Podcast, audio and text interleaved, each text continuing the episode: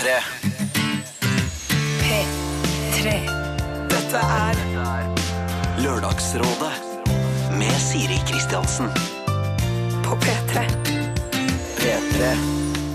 God morgen, du hører på Lørdagsrådet, og vi har allerede hørt Veronica Maggio og hennes Sergels torg.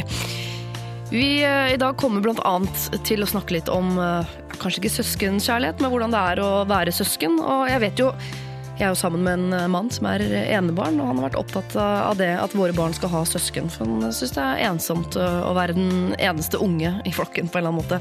Og det kan jeg forstå. Jeg har jo da vært så bortskjemt at jeg har en bror. Kan godt kalle det bortskjemthet. Og det har vært uh, veldig gøy opp igjennom å ha en å uh, slåss med. og på en måte ha det gøy med på ferier og julaften og alt mulig sånt. Og jeg merker, nå som vi begynner å bli eldre også, så er det bare deilig å ha en til som kjenner foreldrene våre på samme måte som meg. Eh, sånn at jeg har noen å snakke med det om, som skjønner hva jeg snakker om. Og en å dele ansvaret med sånn Hvem får mutter'n på julaften i år? Og så videre. De greiene der. Men jeg også merker jeg skulle ønske jeg hadde en søster. Jeg har vært misunnelig på folk som har liksom en som er så nær og har samme kjønn og som forstår alt. og jeg, jeg, jeg kan skjønne at f.eks. sånn som Gaute Grøtta Grav, som er en av dagens rådgivere, som kommer snart, som har to brødre, som jeg vet at de drar på mye greier sammen. Og det høres også utrolig gøy ut. Jeg og broderen, for eksempel, vi to hadde aldri stikket sånn, sånn kompisgjeng til Syden-aktig. Det ville vi nok aldri gjort. Men jeg syns det høres fint ut. Vi skal hjelpe en jente etterpå som, som har en søster, og liker søsteren sin som søster, men er ikke så interessert i nødvendigvis ha en sånn omgangsvenn. Og det er, eh, det er lov, eh, men det er også en litt vanskelig situasjon å stå i, og i hvert fall en vanskelig eh, ting å skulle si ifra om. Skal hun det? Vet ikke, er ikke opp til meg. Dagens rådgivere er ikke her ennå, men de skal få lov til å svare på blant annet det. Og så har vi plass til ditt problem også, så hvis ikke du har sendt inn allerede, så gjør for all del det. Da bruker du lr, alfakrøll, nrk.no. Lørdagsrådet På P3. P3. Every Teardrop Is Waterfall uh, synger det. Coldplay, altså. For en stund siden, en tre ukers tid har det vel blitt etter hvert, så hadde vi uh, tre finfine rådgivere her. Line Verndal, Einar Tørnquist og Erik Solbakken. Og jeg mener ikke at ikke de andre rådgiverne som har vært der etter det, eller før det, er fine. Jeg bare sier at de også er fine. Alle er fine. Vi hadde et problem som ikke var så fint. Altså, det var en jente som hadde en romkamerat som var litt sånn uhygienisk type. Vaske seg ikke på hendene etter at han hadde vært på do, og hadde en tendens til å øh, legge igjen kjønnsår rett og slett, på toalettsetet, uten at vi helt skjønte hvordan man klarte å legge fra seg klaser, som hun sa, av kjønnsår ved normal urinering. Men, men. Sånn var det nå i hvert fall. Vi har fått tilbakemelding på hvordan det har gått sånn i ettertid, men vi har også fått tilbakemeldinger fra andre mer passive deltakere i dette problemet, som har hatt god nytte av vår runde på dette her. Før du får høre den, så skal du få høre noen av rådene som, som dukket opp i denne runden. altså, jeg pleier jo å ha altså, Hvis jeg sitter på do, da, Ja. så pleier jeg å ha tingene nede i do, ikke oppå ringen. Nei, men det gjør tydeligvis Bernt, da. Jeg, jeg, jeg er jo av de renslige. Jeg syns det er, også er kjempeekkelt at man ikke vasker opp på hendene. Ja. Da tenker jeg at det er alt han tar på etterpå da, er full av Og så printer du ut det der bildet som er veldig lett å, å finne. Som er sånn hver gang eh, jeg ser eh, noen ballehår, så dør en kattunge. Så ser du da en søt kattunge over alle de ballehåra der. Så begynner han å ha Den var, den var morsom, men da begynner han å tenke på det. Sett deg noen hårete mål. Hvis hun er tøff, hvis hun er tøff nok jeg jeg vet Det hadde vært vanskelig for meg, tror jeg, men uh, å si fra, altså. Altså, mitt forslag er å skylde på seg sjøl. Det, er jo- det er jo en helt fair greie å si til en annen person at ok, jeg er ekstremt opptatt av hygiene. Dette er Lørdagsrådet På P3. P3. Altså, etter å ha hørt dette, så er det en av våre lyttere, hei, god morgen, eh, som eh, har satt ekstra pris på det vi snakket om akkurat her, for han skriver. Dette er en tilbakemelding på tillitsproblem. Eh, skal jeg si fra til min roommate om hans dårlige hygiene, som inkluderte klaser av kjønnshår på toalettramma og manglende håndvask etter toalettbesøk. Vi kjørte bil og hørte på programmet. I baksetet satt min tolv år gamle sønn og fulgte interessert med. Han var absolutt i målgruppen. Våre mange forsøk på å påvirke han til å dusje hver dag, og spesielt etter fotballtrening, har ikke nådd frem så langt. Han hevdet alltid at vann på kroppen var ubehagelig, og at han luktet jo i hvert fall ikke vondt. Men etter Lørdagsrådets drodling rundt temaet har den unge mannen forandret sin atferd. Målløse er vi hver morgen vitne til at den unge mannen senker sitt prepubertale legeme i husets badekar. Takk skal dere ha! Hilsen anonym firebarnsfar. Altså At vi satt på den makten, det gjør noe med meg. Men altså, jeg blir eh, glad av det. Eh, og jeg kommer til å ha det med meg i bakhodet eh, videre utover i Lørdagsrådets historie. For hvis vi kan påvirke folk der ute i så stor grad, så skal jeg avveie mine ord litt tyngre, faktisk. Og jeg skal gjøre det med en enda større porsjon glede enn jeg så langt har gjort her i Lørdagsrådet. Tusen takk for tilbakemeldinger. Har du et eh, problem du vil at vi skal eh, løse, nå med denne ekstra tyngden i mitt eh, hode, eller mine skuldre, eller hvor det nå legger seg, det er jeg usikker på, så sender du den inn. Bruk da mailadresse lr.nrk.no. Dette er Lørdagsrådet På P3. P3. Macklemore og vennene hans uh, låta heter Same Love, og før det uh, Naughty Boy, som med Sam Smith. La, la, la. Eh, nå, bla, bla, bla, egentlig. For jeg har fått eh, tre mennesker til eh, inn ved min side som skal eh, skravle dere i hjel fram til klokka tolv. Og det gleder jeg meg til. Blant annet så skal du skravle en hel del, Synnøve Skarbø. Ja, jeg håper det. Ja, god morgen. Snakketøyet er klart. Er er det det, eller? Ja, ja. Varma opp og Du har vært våken noen timer, du. Ser maskaraen ja. på plass. og i det hele tatt. Du, den var for i anledning at jeg skulle treffe deg. Er det sant? Ja. Takk. Dag Sørås stiller uten, uh, uten sminke i dag. Det setter For jeg også pris på. Ja. Uh, våken og til stede. Relativt våken. Skal bidra så godt jeg kan. Ja. Uh, og Grøtt Grøtta Grav. Lenge siden sist. Ja, altfor lenge siden sist. Veldig hyggelig å være tilbake. Jeg har med meg både nesespray, maskara i sekken, og eh, det er det. For du har vært så lenge i TV 2 nå at du har blitt sånn proffmann som bare ja, ja, jeg bruker maskara fordi det blir bedre på TV, og jeg er ikke redd for min egen seksualitet-aktig profesjonalitet. Mm, men jeg kan si sånn, Vi må bruke det fordi sminkeavdelinga sier det. Ja. Så gjør det. Men bruker du sminke på Farmen? Jeg bruker maskara På Farmen? og, og nasespray. Islendere og maskara? Fy faen, dit har vi kommet. det. Det. Det er helt- det er helt- sjukt, og det er ikke noe jeg er veldig stolt av. Så jeg sier det med liksom viss sånn forakt på meg sjøl, men det er en del av gamet å bruke mørk brun maskara fra Canebo. Den er vannfast. Ja. Opp til 37 grader. Eller hva det er for noe. Ja, den, det er den som du kan smuldre av i dusjen etterpå. Riktig! Så slipper vi å drive på med sånn avanserte olje, og, for det blir for dumt. Men hva er det, Bruker du maskara på Farmen? Eh, ja, jeg bruker maskara Spør på du TV. og Dag, så har alle spurt. Du, Dag, brukte du maskara når du var på Showman? Eh, jeg ble sminka, men jeg kan huske at jeg brukte mye sminke når jeg gikk på eh, videregående. For jeg hadde så jævlig mye kvise, så jeg pleide å ha sånne greier på kvisen for å dekke dem til. Og du kjørte dekkstift, ja. ja. Men ja, er ikke det egentlig bare dumt å bruke? For ikke framheve det som egentlig er der? Ja. Og det er men- litt som hvit tannregulering, som er sånn Å, jeg har ikke tannregulering, men bare en, et eller annet dritt inni munnen. Jeg brukte dekkstift og høyfjellssol. Så jeg, jeg har sol på ansiktet hvor jeg steika meg for å fjerne faenskapet. Men eh, Alt hadde elendig effekt. Men du har blitt veldig, fått veldig pen hud nå. Ja, ja, nå har jeg veldig Det er alkoholen som gjør det. det- Fjerner det kvisser? Eh, Fjerne, altså alkohol og fuktighetskrem Ja. om hverandre. ja, for det er helt sant. Jeg har veldig pen hud. Du har babyaktig hud. Men har det? Men har du runda 30? Jeg er 35. Å, oh. 35? Du, Kødder du? Gratulerer. 35. Men Se, hvorfor se så godt selvbilde jeg får på en lørdagsmorgen. Det her har aldri skjedd før. Du som har så fin hud, er så dumt at du skjuler eh, opptil 30% av den med å ha skjegg. Jo, men jeg har også veldig fin hud på de tre hakene under her. Er det for å skjule haken? Det er det bukke- bukkeskjegget.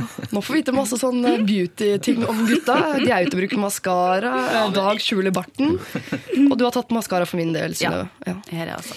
Vi skal ta en runde på sivil status, for det gjør vi alltid. Og jeg vet jo ikke fra gang til gang om ting har endret seg. ikke sant? Så Jeg trenger å vite eh, om dere har barn, kjæreste, hus, lån, hytte, husdyr, hvor dere bor osv. Gjerne kvadratmeter. eh, Og avstand i kilometer til svigers.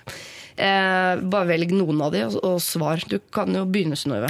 Ja, jeg er samboer, et barn, eh, bor i en leilighet på 127 kvadrat. Det er ganske stort. Ja, det er veldig stort, men eh, ikke stort nok for undertegna, for jeg vil gjerne ha et hus. Ja. Eh, Det er noe som skjer rett etter man føder. Det er et eller annet med gress og gjerde og sånn som slår inn. ja, men det er ikke gjerdet jeg er mest opptatt av, det er enda mer plass. Ja. Jeg vil bare ha luft eh, rundt meg. Men jeg har leita etter hus i ja, er det fire år nå. Finner ingenting som jeg har råd til, som jeg har lyst til å bo i. Nei. Avstand til svigers, det er Ja, hvor langt er det herfra til Drammen? Til Konnerud? Fra du, Konnerud, times tid i bil. Ja, 45. Nei, en 45. halvtime. Ja, okay. Nei, 45 minutter. Ja, fort å kjøre, Godt jeg tog hvert 20. minutt, har jeg hørt nå. Ja. Så koselig, da. Eh, Dag. Jeg har en stykk kone, en stykk unge. En stykk eller en syk? Et stykk. Stykket. Ja, en stykk. Uh, det bor i et rekkehus som er på størrelse med leiligheta di, tipper jeg. Hvor hen? Uh, på Manglerud. Er det sant? fantastisk godt. Avstanden til svigers er vel et par landsdeler, så det er relativt behagelig. Ja. Selv om jeg har et- ganske godt forhold til dem. Men er de nærmere enn dine egne foreldre? Ja, men det er marginalt. Altså, De holder alle til i Nord-Norge. Du fant ei hjemmefra? Hæ? Du fant ei hjemmefra? Nei, altså, jeg, jeg kommer fra Narvik, og hun kommer fra ei lita øy utenfor Bodø, så i avstand er det jo sikkert herifra til eh, Månen, eller? Ja, ja. For oss vet plasserte Oslo-drittfolk, så er det der samme sted. Avstanden i. Nord-Norge er, er lang. Narvik, Bodø, tomater, agurker osv. Det er litt mer enn god avstand. Gaute, Ja. du har flytta hjem igjen. Ja, jeg er fortsatt gift. Ja. Har to unger. Er veldig fornøyd med det. Bor da i eh, Isfjorden, som er den plassen jeg kommer fra, og der trives vi godt. For folk som ikke veit hvor Isfjorden er, nærmeste by med en størrelse som gjør at vi har hørt om. Åndalsnes. Gjerne. Det, Det er ikke en by. Eh, Jo, det er en by med vinmonopol, og da er det by. Og det er endestasjonen til NSB. Så alle sånne NSB-ting så er det Åndalsnes. Vært der masse. Fem timer det. forsinka. Uh, ja. Hei, hei, hei. Ikke tyn NSB på min vakt, vær så snill. Jeg har tatt tog til Åndalsnes 100 ganger. Jeg syns faktisk det er så fint der at jeg flyr ikke til Ålesund. Jeg tar tog til Åndalsnes og bussen videre. Men da syns jeg du skal komme innom neste gang og ta en kopp av et eller annet slag. Absolutt. Og det gjelder alle andre råd her òg. Og for så vidt ganske mange av lytterne. Ganske mange. 70% eller? Nei, men det kanskje sju promille, i hvert fall. Sju promille av dere som hører på, er hjertelig velkommen hjem til Isfjorden, der Gaute Grøtta Grav nå bor. Vi skal straks eh, begynne å gi eh, råd, vi. Eh, men vi skal høre Muse først. Dette her er Invincible. Muse var det altså, og deres eh, Invincible. Og vi skal ta eh, Lørdagsrådets første problem eh, i dag. Rådgivere er Dag Sørås, Gaute Grøtta Grav og Synnøve Skarbø. Ok, Hei! Nylig har jeg og min fem år eldre søster flyttet til samme by. Dette er åtte år siden sist, altså siden de bodde i samme by. da. Vi har et godt forhold til hverandre og kan snakke om alt og ingenting sammen. Jeg trives i hennes selskap når det bare er oss to sammen, fordi hun er en god lytter og en god samtalepartner, og hun er kjempesnill på alle mulige måter. Som søstre flest har vi noen likheter i væremåte og holdning, har jeg blitt fortalt, men personlighetene våre er svært forskjellige. Vi har svært forskjellige interesser og har en helt ulik virkelighetsoppfatning. Dette kan gjelde alt fra forpliktelser til familie. Hun reiser aldri hjem enn ellers enn juletider, men låner alltid penger av våre foreldre når hun trenger det. Vi er uenige om økonomistyring, valg av kjærester, hva hun gjør på fritiden, og dessuten er vennekretsene hennes ganske så annerledes min. Eh, altså Hun liker ikke eh, måten hun eh, driver med økonomi på, liker ikke kjærestene, og på fritiden så driver søsteren stort sett med sofasitting og TV. På bakgrunn av dette har jeg egentlig ikke noen interesse av å knytte et tettere forhold til henne, enn at vi er gode søstre som kan treffes en gang iblant for å ta en kopp kaffe sammen. Min søster derimot er av en helt annen oppfatning. Hun har stadig vekk nevnt at hun ønsker å ta meg med ut på byen, feste sammen, og til nå har jeg klart å lure meg unna. Men så skjer det. Nylig sendte hun meg en invitasjon på Facebook til en litt mindre intim fest med henne og hennes nære venner. Jeg har egentlig ikke så veldig lyst til å være med, eh, for da eh, jeg i tillegg allerede har et lite lillesøsterstempel trykt over hele trynet, kommer jeg også til å være hun derre streite. Å dra på fylla med storesøster er heller ikke noe jeg egentlig har interesse av å oppleve. Siden det ikke er så mange invitert, har jeg likevel ikke samvittighet til å takke nei, da jeg vet at hun gjerne vil at jeg skal være der. Jeg er jo selvfølgelig glad i henne, og vil ikke såre henne. Hva mener dere jeg bør gjøre? Er det mulig å kunne feie av invitasjonen uten at det skaper dårlig stemning? Eller bør jeg, som Indiana Jones, kaste meg ut på ville veier med vill pisk og cowboyhatt? Håper dere kan hjelpe meg. Hilsen lillesøster. Altså, Hun liker søstera si, men ikke godt nok til at hun er ikke interessert i å bli venn. på en måte. Men bodde ikke sammen nå, var bare i samme by. Nå bor de i samme by, ja. Så før har hun hatt liksom geografien å skylde på når hun ikke kan henge med henne på fritiden. Nå har hun ikke det som unnskyldning. Forsto jeg rett at hun fikk invitasjon på Facebook? Det er jo enkelt å bare ignorere henne. Det, er jo- Og late som du ikke har sett den. ja. Men er det ikke sånn at det kommer opp hvis man har vært inne og sett, så står det sånn 'sett av'? Det kommer litt an på når du legger det ut, det tror jeg. Okay. Ja, for det, Der har jeg lyst til å sende en liten hilsen Jeg hjem til Facebook-far. Ja. Det greiene der herpa livet mitt. Jeg, jeg, jeg tror ikke noen lenger så på invitasjonene de fikk på Facebook. Jeg tror det var eh, Jo, Hvis du går inn på eventet, okay. hvis hun har gjort det allerede, så vil det synes at hun har vært inne og sett. Og da kan du ikke sette på noe. Hun har ikke sett. Nei. Det er jo bare å legge en hyttetur, da. At noen skal med i eh, ja, hva heter det? Bibelringen eller eh, strikkegjengen eh, på den årlige Hemsedal-turen. Ja. Det er jo veldig leit at det skjedde den helga der, da. Men det er jo sånn det bare måtte bli. Så du går for ljuging. Ja. Ja. Altså, hun må jo sannsynligvis dra vekk òg, da. For du kan jo ikke risikere å møte søstera rundt hjørnet. Det er pinlig. Da begynner det å bli flaut. Ja. Men Synnøve var ikke helt enig i det. Nei, vet du hva? Jeg heller mot at jeg syns hun skal gå. Ja. For Ja. å være en god søster. Ja, jeg er eldst av eh, fire søstre sjøl, og jeg hadde blitt deppa hvis ingen av eh, de dukka opp på en fest jeg hadde invitert deg til, selv om ikke, selv om ikke vi var bestevenner. Jeg syns at hun må gjøre det for skams skyld. Ja, for er Det forskjell? Det er jo noen som er bestevenn med uh, søsknene sine. Du Gaute, blant annet, har veldig godt forhold til dine brødre. har jeg inntrykk av. Oh, yes, Vi er tre brødre, og vi gjør så mye som mulig i lag, sånn som turer, klatring. Vi er veldig heldige. Har, har Kom på hverandres fester, f.eks. Ja, det syns jeg er hyggelig. Men du, Synnøve, det er søstrene dine, det er ikke venninnene dine? på en måte? Jo, det, vil jeg, altså, det er ikke de mine nærmeste venninner, men vi har et veldig godt forhold. Alle, vi er fem unger og fire søstre der. Ja. eh, men jeg syns det er bare noe med altså, Det koster jo ingenting å gå på den festen, møte opp, være hyggelig, ta et glass, snakke litt med venninnene, og så kan hun stikke på et eller annet. Jeg er enig med Det for- betyr mye for søstera. Ta smygeren, altså, på et eller annet tidspunkt? Ja, ta dofinta. Dofinta? Ja, eller kanskje Nei, kanskje ikke det. Jo, men Jeg har bare ikke hørt uttrykket før. Ja. Jeg kaller det Dofinta? smygeren. kaller jeg det. Å ja. Jeg skal bare på do. Skal på do, og så bare forsvinner du? Oi, forsvant hun ned i do? Begynner folk å snakke om det. Og så er det ja, det var det som skjedde. Da tror du at hun ikke er hun streite, men er hun som ble fortest full og måtte gå hjem. Ja. Men livet er jo sånn, folkens, at det er ikke alt som skal være like artig hele, hele tida. Men fest bør være artig. Nei, men altså Fest og fest med nære, hennes nære venninne, liksom. Det er ikke det nødvendigvis en festefest. Ikke mer sånn Ja, men det, det at hun, hun er bevisst på hvor kleint det kan bli, det betyr at hun har noe form for sånn Hun er sosialt bevisst, og det, det er ingenting som er så du, du kan ikke overvurdere hvor jævlig det er å være sosialt utilpass på en fest. Det er helt grufullt. Det, det, jeg tror det forkorter livet ditt. Så jeg ville heller gått for den ærlige linja. Bare satt seg ned med søstera og sagt Syns du ikke vi er veldig forskjellige mennesker? Ja, men jeg og broren min var utrolig det var, det, vi er, Jeg og broren min er veldig forskjellige mennesker. Og det var et problem når vi var i tenårene. Men nå er vi begge blitt voksne, så vi er helt komfortable med våre forskjeller. Men vi har heldigvis lik virkelighetsoppfatning, så jeg tror ingen av oss ville invitert hverandre på, eh, på en fest. Ikke fordi ikke vi går overens, men fordi vi har veldig forskjellige venner. Men dere møtes på julaften-aktig? Ja, ja, ingen, ingen problemer i det hele tatt. Man. Ingen problemer. Men, eh, men Hadde du eh, gått hvis han inviterte dere på fest? Sånn som i dette tilfellet? Ja, jeg ville nok det. Ja. Men jeg er ikke sikker på at det ville blitt like um, sosialt utilpass som det høres ut som hun tror det kommer til å bli. For faren ved at hun dukker opp på denne festen, eh, som jo virker som en sånn eh, grei ting, kan du ikke bare gå på den festen, er det så farlig-aktig? Bortsett fra at eh, hvis det er som Dag sier, at det forkorter livet ditt noe, hvis du er eh, veldig utilpass.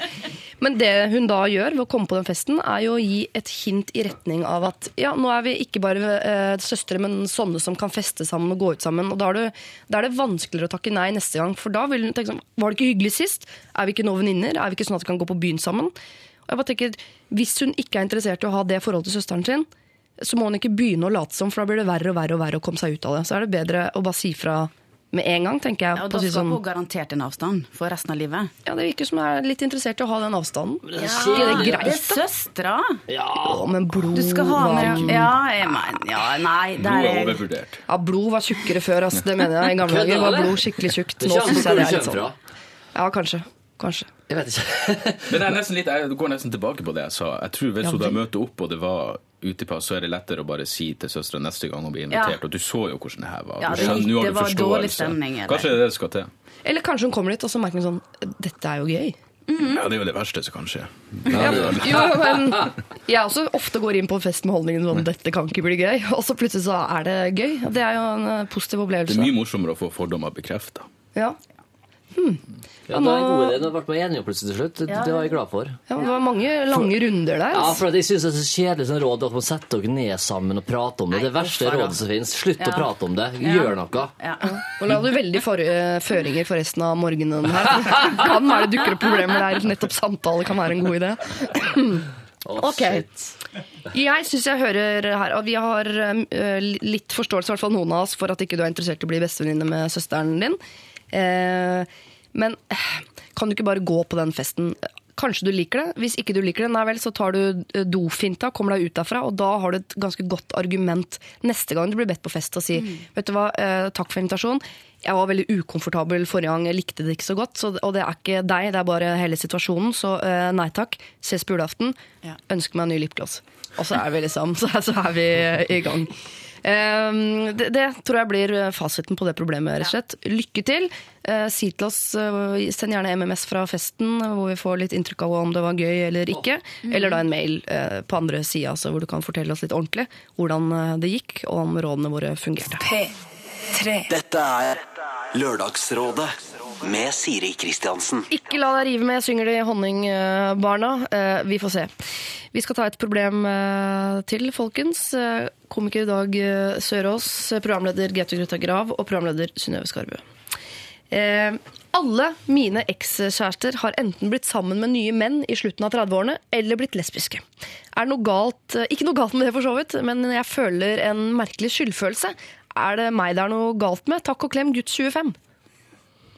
Altså, eh, Han har hatt ekskjærester som enten da har gått veldig opp i alder, blitt sammen med da, mer modne menn, som på papiret, eller gått all the way over til damer.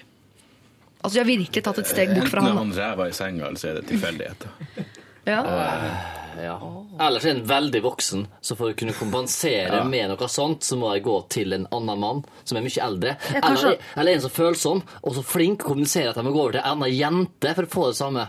Ja, Det kan være han vekker eh, det lesbiske jenter fordi han er så utrolig sånn fin og følsom. Jeg tenker sånn, Det er dette jeg liker ham. Dette er jo egentlig typiske jenter. Vet ikke, Bare for å se positivt på det. Og så brukte alle mine ekser. Det hørtes ut som det var veldig mange, da. Ja, Det kan nok være noen, altså. Shit. Men skjønner dere at, man tar det, at han tar det liksom Ja. på egen kappe? Selvsagt. Det skjønner jeg. Men jeg ble litt skipla. For jeg, når du begynte å lese Skipla? Ja, for når du begynte å lese, tenkte jeg er det jente? Så jeg klarte ikke helt å følge med, egentlig.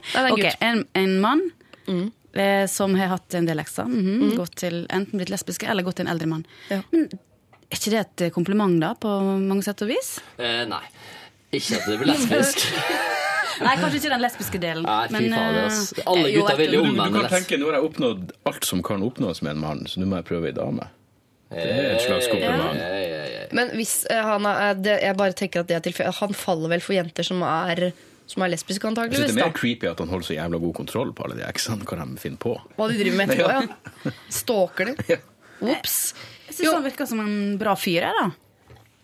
Ja, for jeg tenker, hvert fall er- det med lesbisk, da. Enten er det lesbisk, eller så er det ikke det. Det er ikke sånn at uh, du, du opplevde noe kjedelig eller traumatisk med fyr, derfor så liksom ble du dytta over en annen fil.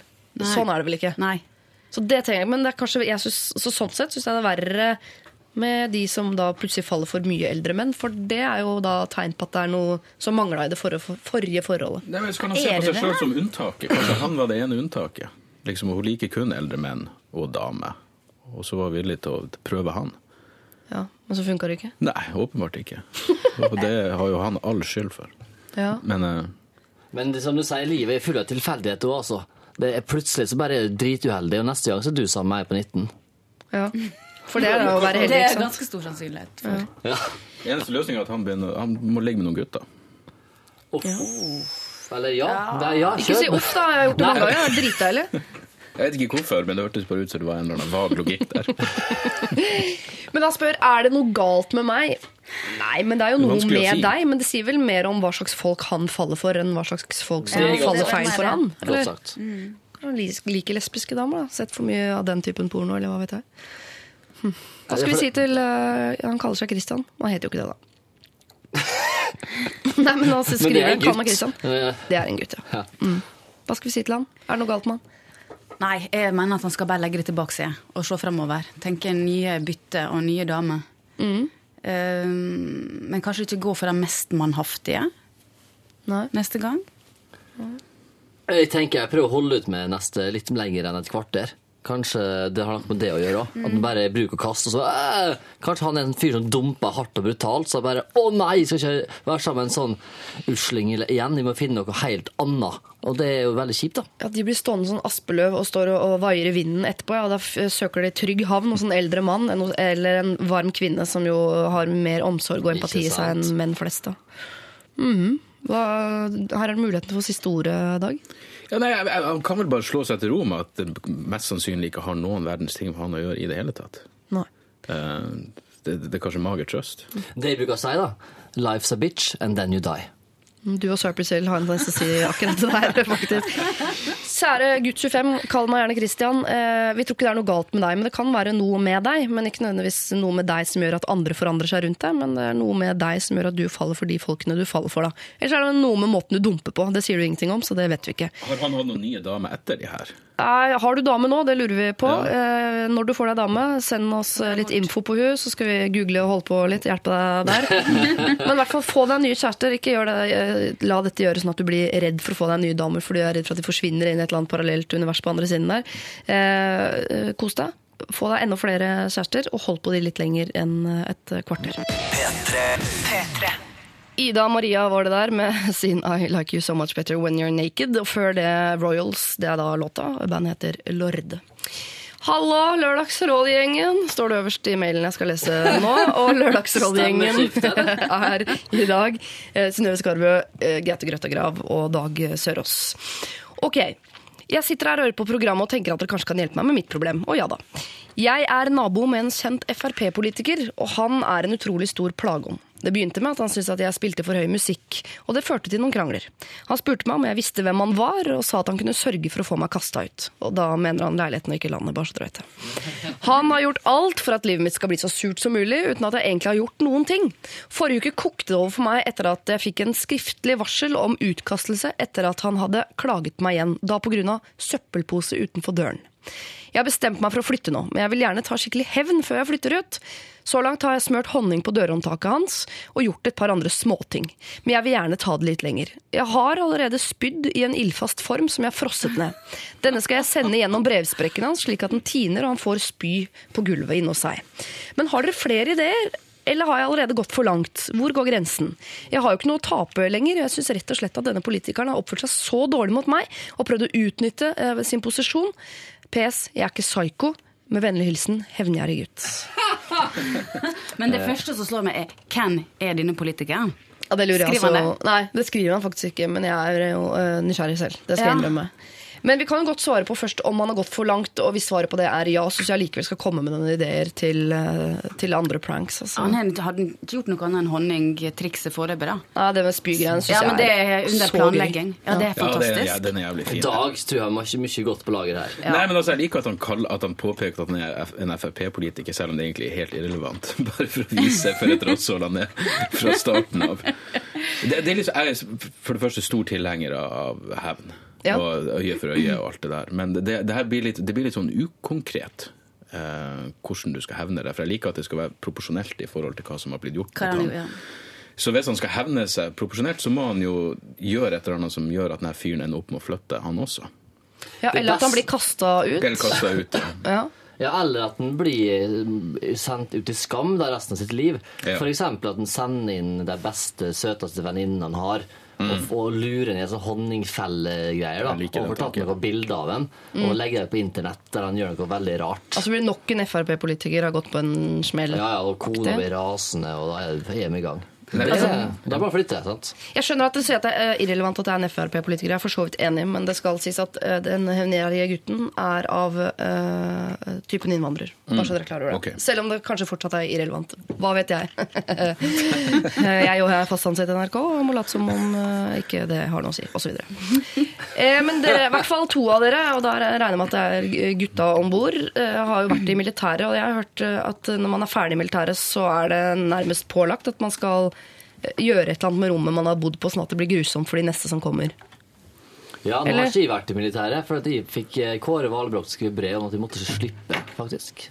Var det- Var det allerede det sugd inn i TV Så 2-systemet? til såpass begynte såpass tidlig. Ja, så du har tatt uh, verneplikten din der? Ja, Ja. Slapp, slapp å få lønn. Har vel Jeg, jeg har vært i militæret, men jeg gjorde ikke noe sånn uh, utagerende. Jeg hadde en, en, en av de ene høyere opp som bestemte over meg. Jeg driver og kalte meg en jævla sosialist hele tida. Så det kom en eller annen viktig fyr for å inspisere rommene våre fra høyere opp. Og da fikk jeg sneika meg inn og hengte et stort bilde av Che Guevara på tavla over, eh, over senga mi. Men det er det eneste faenskapet jeg egentlig gjorde. Ja. Um, Det var men- kjedelig. Ja, det var veldig kjedelig. For jeg husker eh, Broren min fortalte at de skrudde opp sengestolpene på sengene. Så helte de melk nedi, sånn at det skulle bli sånn ordentlig illeluktende. Og så la de sånn, dere vet, sånn mark som man tar hva heter det, makk. Maggot. Eh, maggot, ja, som man skal bruke til fisketur. Så hvis de blir liggende for lenge, så blir de til fluer. De la ut eh, ganske mange kilo med maggot oppå alle skapene, som da kom til å bli til fluer, da i kombinasjon med denne surmelklukten. Og sånne ting er gøy. Det er artig. Det går an å få inn et eller annet slags skadedyr ja, inn i leiligheten hans, er ikke det da? Gjennom den samme bresprekken Ja. der spyet skal.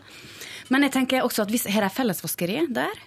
Vet ikke, ja, det glemte han å skrive i mailen. Ja, Det litt det- rart, egentlig. Ja, gjør du det? Nei, kanskje ikke. Jeg, ja. I så fall så er det en veldig bra triks å klippe av alle buksene fem centimeter.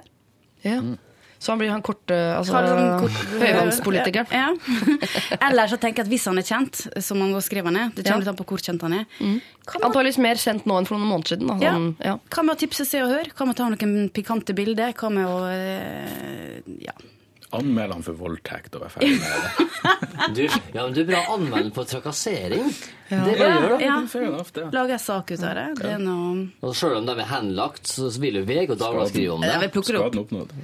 Skaden Ja, så må Jeg si at jeg er en slags tilhenger av eh, hevn, men jeg vil jo ikke oppfordre til eh, mobbing og utsyking av denne Frp-politikeren. Det er ikke bra, men jeg skjønner at man har liksom behov for at du har vært dust mot meg, da skal du eh, få, få noe tilbake. Men han bør jo egentlig gjøre noe tilbake som er sant. bare, han må bare sikre at en annen fyr av innvandrerbakgrunn flytter inn der han bodde. Ja, eller eh, en hel, altså ti-tolv Ja. En stykker. hel familie, Stor kanskje. familie. Mm. Men nå har vi glemt å spørre om eller du glemt å spørre oss om det er viktig. da. Bør han ta hevn? Ja, jeg sitter nå med det spørsmålet. Har han Ja. gått for langt? Hvor går grensen? Er det noen som mener at han har gått for langt allerede? Akkurat nå så har jeg nesten glemt hva det var han hadde gjort. Det er for, så langt er det småting, og honning på dørhåndtaket. Ja, men hva, hva var det han Frp-politikeren hadde gjort? Han var en drittsekk fordi han hadde Klagd på han så mye at han nå til slutt må flytte ut. Ja, og der er på det poenget, da. Ok, Han er sikkert en regelrytter og en idiot, han der Frp-karen, men likevel han har sannsynligvis retten på sin side. Sant? Og da er det sånn Ok, du har fucka opp, og du har blitt tatt for det, og du må flytte. Ja vel, da er, det er en del av verden. Og da må du bare Du skal ikke begynne å slåss tilbake. Da, da er det vende andre kinnet til, smile, si OK, se hvor mye du bryr med, motherfucker, og så går du videre, nytt borettslag, og gjør en bedre jobb der. Oi, du tror på Det var veldig nytest, nytestamentlig. Ja, men jeg jeg er faktisk veldig fan av det. Altså, selv, altså, blir du slått, blir du banka, ikke begynn å, å sjekke det tilbake, for da blir det en ond sirkel, mister øye for øye, Dag. eh. Nei, da, øye for øye. Det er lagd for at det skal være proporsjonelt. Det skal være, du skal ta hevn, og så er vi ferdig med det. Det er for at det ikke skal bli en ond sirkel at man har øye for øye. Det var det som var Så bakgrunnen for du hvis du ligger med kona mi, skal jeg ligge med kona di, og hvis det Og, så, og da er vi ferdig med det. Ja, ok. Da er vi ferdige, for da er det ikke flere koner å ligge med. Nei. Nei. Ja, han lager ti minutter lenger! Men er ja, er ikke den der med å få inn ei eh, ny Få inn ei storfamilie i Ja. nabohuset, er ikke den den beste hevnen, egentlig? jo, for den er Den er også, hyggelig, og- ja, den er også lovlig. Den er så lovlig at Ja, det syns jeg faktisk eh, er det beste. Kanskje litt ja, Hvordan skal han klare det, da? Jeg vet ikke om det er lov å sette sånne annonser inn Nei. hvor du ber om en Du kan spesifikk etnisitet. Det der setter er lavt nok, så skjønner du ganske mye forskjellige folk. Ok, hevngjerrige gutt. Jeg tror enten så kan du ta karmahevn à la Gaute Grøtta Grav, flytte et sted og bli en lykkeligere nabo og tenke at det er den beste hevnen, at jeg er lykkelig på et annet sted. Vel vitende om Um, at den Frp-en aldri mer kommer til å tenke Nei, på Han vet ikke om det, men inni deg så har du slags tatt en sånn øh, hevn med god lukt. Da. Eh, eller så kan du sørge for at den neste naboen er verre enn deg. Eh, og hvis du finner en nabo som er verre enn en, eh, deg, da, som er av typen som spyr i eh, fross og fryser det ned, for så å tyte det gjennom brevsprekken, så syns jeg det er godt jobba, og jeg ønsker deg eh, lykke til i jakten på en eh, verre nabo. Lørdagsrådet På P3. P3 John Newman var det eh, med sin eh, 'Love Me Again'. Og vi skal ta et problem som jeg tror har dukket opp fordi eh, ofte her i Lørdagsrådet så tar vi opp eh, problemer som har med barn å gjøre. Eh, men det problemet vi ikke har tatt, da, som har dukket opp i kjølvannet av alle disse diskusjonene, er et kort et. Eh, og det lyder som følger. Hva hvis man ikke kan få barn, og ikke orker å gå og ljuge hele tiden og lage unnskyldninger? Og da spør jeg dere, dagens rådgivere, som jo alle har barn. Synnøve Skarbø har én datter, Gaute Grøtta Grav har to døtre, og Dag Sørås, du har én sønn. Selv har jeg en av hver. Eh, hva med de som ikke kan få barn, og ikke går, eh, orker å gå rundt og lage unnskyldninger og ljuge hele tiden? Da antageligvis til en partner da, som ønsker seg barn. Det er ja, sånn- en partner du tenker på? Nei, ja, ikke til andre, Ja, folk man trenger ikke å gå og ljuge til folk på ga Det trenger ikke Jo, å si fra det- til folk på jobben at jeg ikke kan få barn. Jo, men folk sier Ja, men sånn få spør hele masene og grev om det med en gang du viser Du har sikkert masse spørsmål om det. Oi, oi, oi. Overalt der jeg viser meg, så er det sånn Skal du ha unger? Eller før jeg fikk. Ja. Skal du ha unger? Ønsker du deg unger? Og noen har jeg fått. Skal du ha en til? Ja. Vi sa akkurat. Ja. Men er jenter som selv, er sånn fra 27 og oppover, så spør vel de fleste sånn Hvorfor har du ikke Ja. barn, skal du ha barn snart? Du har Ja. jo kjæreste, skal ikke dere få? Så Det er jo vi videre. som Som egentlig er en ganske frekk ting å spørre om. Det er vi som burde rettferdiggjøre at vi har fått barn. Eh, Men var det her Hvordan skal Ja. du si det til partneren din? Partneren? Ja, hun orker ikke å gå og hele tiden ljuge og lage unnskyldninger. Altså, hvordan skal man da Hun vil eh, ikke ha? Nei, hun kan ikke få. Kan ikke få. Nei. det må hun si rett ut, vel? Ja, kan man si det til hvem som helst? For det er en ganske sårbare ting. Skal du si det til Knut på Superen? Sånn, nei, du skjønner, jeg kan ikke få, jeg. Jeg trodde det var partneren. ja, ja, ja, Nei, jeg la det med partneren. Er det partneren, eller er Jeg tar hele Ja. eh, problemet i sin helhet en gang til. Hva hvis man ikke kan få barn, og ikke orker å gå og hele tiden måtte ljuge og lage unnskyldninger? Prikk, prikk, prikk. Ok, Da er ikke det til partneren, for han vet selvfølgelig det. Han kan ikke lures inn i en felle på det viset. Okay. Ja, hvis, du, hvis du skal få folk til å slutte å stille det frekke spørsmålet hvorfor har du ikke barn, så må du være brutalt ærlig. Og så blir de aldri mer å spørre noen om det. Trykk opp T-skjorte Ja. hvor det står eh, Er steril. hva enn den Ja, steril, ja. Altså, her, her tror jeg virkelig på Her, må du, her blir det din jobb, og smertefullt som det er, utdanne samfunnet, som, så folk slutter å stille sånne spørsmål. Ja, for skal vi slutte å spørre om det? Jeg har tatt meg selv og spørre om det selv. Og så tenker jeg, eh, Ni av ti ganger så tenker jeg etterpå sånn Det burde jeg kanskje ikke gjort. Men det bare er så, virker som en naturlig Ja. sånn samtale, i hvert fall på min alder. Ja. Ja, nei, men det er kun én ting å gjøre her, og det er å være helt ærlig. Ja, tenker, det er eneste måten du får det til å holde kjeft på. Ja, men samtidig er det ikke altså, Ja, det er kjipt, men jeg tenker at det er ikke et bør ikke være tabu heller. Eller tabu, eller faen, jeg kan uttale det ordet. Eh, Det å ikke få unger er et, eh, utfordring eller problem eller noe så kjipt, men det er jo å ha eh, altså, Ikke for å bagatellisere noe annet, men ha lukt i ryggen, halt, psykiske problem. Altså, det handler bare om å si sånn, vet du hva, vi får ikke til det. Kanskje vi vil adoptere. Altså, det, det er mange måter å få unger på. Trenger ikke akkurat bare trykke ut sjøl. Mange vil ikke trykke ut sjøl, mange vil bare få deg ferdig på døra. Men det er jo dårlig gjort at det skal være eh, noe hos deg som gjør at du alltid må ta en sånn For det hadde vært sånn at hvis du sa fra én gang, så var du ferdig med det. At det plasteret måtte av. Og få sagt fra da en gang sånn Vet du hva? Eh, du har spurt, og det er greit, men jeg kan ikke få barn. Så er det akkurat der og da så er det sånn oh, det var eh, vanskelig å si, og sikkert vanskelig å høre også, for den som da stiller spørsmål, vil antakeligvis føle seg dum. Ja.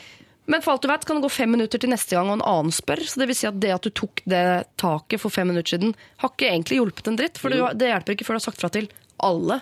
Hvor Ja. mange mennesker er det du nå? fra, til lettere blir det å si det. Til flere ganger du sier fra, til mer oppdrar du folk til å ikke spørre om det. Ja. Ja, så gjør samfunnet en tjeneste. Og deg selv, på en måte. Mest deg sjøl. Du kan ikke legge det ut på Facebook heller. like så godt. Og hvis du syns det er smertefullt å si steril, si overbefolkning. Ja. Og så får du dem til å Men da, tenke nei, litt da blir det diskusjon. Ja. Ja, da, blir, da blir du aldri kvitt deg. Men jeg må si en gladhistorie. Det var- Jeg fikk på Facebook her i forrige uke beskjed om at noen som jeg vet hvem er, hadde fått beskjed om jeg ikke kunne få unger. og hadde slått seg til ro med det da, og blitt eldre. Ikke så gamle, men litt eldre enn jeg var. Og så flytta jeg til Isfjorden, og plutselig ble jeg gravid, gitt! Er det noe i lufta? Det er i lufta, det sa jeg iallfall. Det er fjellufta som gjorde det. Oh, ja.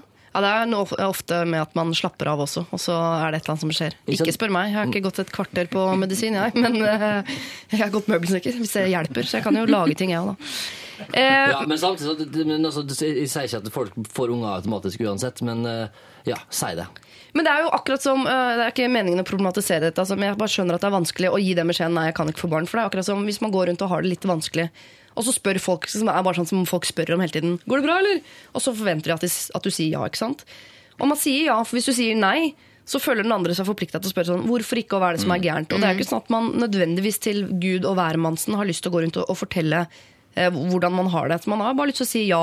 Og det tipper jeg også hvis ikke jeg hadde kunnet få barn og hadde det veldig eh, hadde vanskelig med det, og hvem som helst sikkert spør skal ikke du få unger snart, så er det jo lettere å si sånn Nei. Det skal jeg ikke. eller du kan bare si sånn Ja, vi får se, da. Ja. Det er litt mer åpent. Hvis Ja, du sier nei, så er det sånn Hvorfor ikke? Vil ikke du ha Har du aldri hatt så Men kan man stoppe spørsmål og si sånn Du, det er litt frekt å spørre om. Ja, Bare for å få den som spør, til å føle seg dum. Upassende spørsmål. Ja, det har ikke du noe med? Eller, Det syns jeg er et privat spørsmål. Ja. eller blir man hun sure, da? Ja, det blir du. Jo, men det er, Ja, dere det er faen meg verdt. Det er helt verdt. Her, altså, her, her kan du gjøre Her kan du yte samfunnet en stor tjeneste. Jeg er faktisk enig i at det er bedre å si det der er et personlig, det er for personlig spørsmål, det er upassende. Altså Er det rundt det middagsbordet hjemme med fire par, da har en parmiddag, da tenker de det er greit å si sånn 'Å, jeg skal ha en Porsche til', og bla, bla, bla. Men er det på supermarkedet som Da er, det, da er den der effekten. Men er det så mange som spør? Dama i kassa spør Du, forresten, den kan en en like Nei, men kusina til venninna som du traff i kantina på jobben, aktig, da, ikke sant? Som kommer trekkende med sine tre små og spør ja, du har vært sammen med din Olav nå i Ja. fem år, skal ikke dere få Det er litt deilig å si sånn, det har du ikke noe med. Ja. Ja. Det er sant. Ja. Jeg, jeg, vi har ikke noe fasit på dette, selvfølgelig. Og øh, vi skjønner at du har det vanskelig. og Det er ikke sikkert du orker å ta den konfrontasjonen hele tiden. Men hvis du orker, på vegne av deg selv og samfunnet, så har du øh, full backing på at det er helt greit å enten svare på spørsmålet med 'nei, dessverre, jeg kan ikke få barn'. Da vil den som har stilt spørsmål, føle seg dum. Eh, Eller rett og slett svare 'det har du ikke noe med'. Det er et privat spørsmål. Da er jeg helt sikker på at i hvert fall den personen ikke spør igjen. Og så er det mulig, dessverre, at du må gjøre det der ganske mange ganger før du vil merke eh, den store effekten eh, på vegne av deg selv eh, og samfunnet. P3. Rihanna sammen med Calvin, Calvin Harris, We Found Love. Og før det How Can It Be So Hard, Billy Van. Irriterende, ikke sant? Det kan være veldig veldig irriterende med folk som uh, smatter. Og hvis du ble irritert uh, nå, så er det fint, for da kommer du til å ha masse søstersympati for uh, vår eh, neste problemdeltaker ut her i Lørdagsrådet. Eh, du har selvfølgelig skjønt hva problemet er eh, allerede. Løsningen på problemet det får du i sin helhet ganske snart. Men før det skal vi gjøre High As A Kite. Dette her er Since Last Wednesday. P3. High As A Kite var det der, Since Last Wednesday. Lørdagsrådet i dag består av eh, komiker Dag Sørås. eh, Programleder og bonde, eh, Gaute Grøtta Grav. Du har to katter å bo på gård, så det får, det får være greit. Synnøve Skarbe, eh, jeg blir alltid, når du er, det er hyggelig når du er her, men jeg blir i stuss over hva jeg skal si. Ja, hva er tittelen min, liksom? Ja. jeg blir nesten litt i stuss sjøl. TV-personlighet. Jeg tenker sånn, Hvis du hadde kjørt i fylla eller et eller annet, noe som hadde havna på forsiden av veggen, hva Ja. ville stått der? Profil eller uh, rikskjendis? Altså, hva hadde det stått? Uh, Rikskjendis tror jeg vel neppe det hadde stått. Kanskje, jeg vet ikke, programleder muligens? Programleder, Ja, men da, Mote- jeg legger meg på. VGs moteikon som det- Synnøve Skarbe. Er du Nei, nei, det er overhodet ikke. Nei. Skal vi gå for programleder, da? Jeg vil gå for det. Programleder Synnøve Skarbe. Eh, vi tar et nytt eh, problem her fra eh, Rita. Jeg har en nydelig kjæreste som er like glad i god og litt snobbete mat som meg. Vi kan gjerne bruke en hel dag på å planlegge, handle og lage gode middager sammen, og vi elsker det begge to. Men han smatter og slurper noe voldsomt, og dette hater jeg. Må innrømme at det plager meg eh, mer de dagene hvor mitt humør ikke er sånn på topp i utgangspunktet, men jeg legger likevel merke til det hver gang. Det er også verdt å nevne at jeg irriterer meg over alle som smatter, ikke bare kjæresten. Han er over 30, og jeg er i slutten av 20-årene, så vi er voksne folk. Selv vokste jeg opp med en fy-fy-holdning til bl.a. albuer på bordet, smatting, slurping og andre matlyder. Det er nokså indoktrinert i eh, meg og gjør at jeg kan miste matlysten. Jeg har sagt fra mange ganger. Man skylder på at det eh, hever smaken, og at eh, det er jeg som er så opptatt av nettopp smak, som må forstå dette. Og så blir han irritert. Hva skal jeg gjøre? Eller har dere noen gode tips eller argumenter for hvordan jeg skal få han til å slutte, eller er det jeg som er prippen? Smatter dere? På forhånd takk for hjelp. Hilsen Rita, en matglad, men frustrert jente. Skal vi svare på det først, eller? Smatt, er det noen her som smatter? Yeah! Gjør du? Jeg tror det. Jeg har hørt det. jeg har blitt, jeg har blitt klaget på det. Ikke nødvendigvis på restaurant, men jeg bare sitter hjemme og, og de smaker på litt og sånn. Men jeg gjør du det ut av um, fordi du ikke skjønner bedre? Unnskyld, det er et frekt spørsmål å stille. Eller, for, eller er det eh, bevisst valg fordi du også mener at da smaker det mer? Ja, når du skal lage en saus, da, for eksempel, så må du gjøre sånn. Ja. For å få litt luft inn samtidig. Jeg var jo på Friele i Bergen, så kunne prøve å smake kaffe. Den drikker vanligvis ikke drikk engang. Men for å få aromaen der, så måtte jeg bare dri på sånn. Og Ja. det er jo ikke en spesielt nydelig lyd, men det gir altså mer luft inn Ja, men luft inn er noe annet, men sånn Åh, jeg klikker Ja, i vinkel. Jeg når, det er- klarer ikke det. når du lager mat òg, altså bare når den er i kjøkkenmodus. Ja, Jeg prøver å gjøre det så stilt som overhodet mulig. Ja. Et snobbete forsvar for smatting har jeg aldri hørt før. Men, Nei. eh, Ja, nei, jeg, jeg smatter ikke. Det, jeg prøver å gjøre minst mulig ut av meg. Altså, raping er noe annet. Det er jo nasty. Ja, smatting er like nasty. Er det? Ja, det er faktisk en uting. Altså. Slurp, da.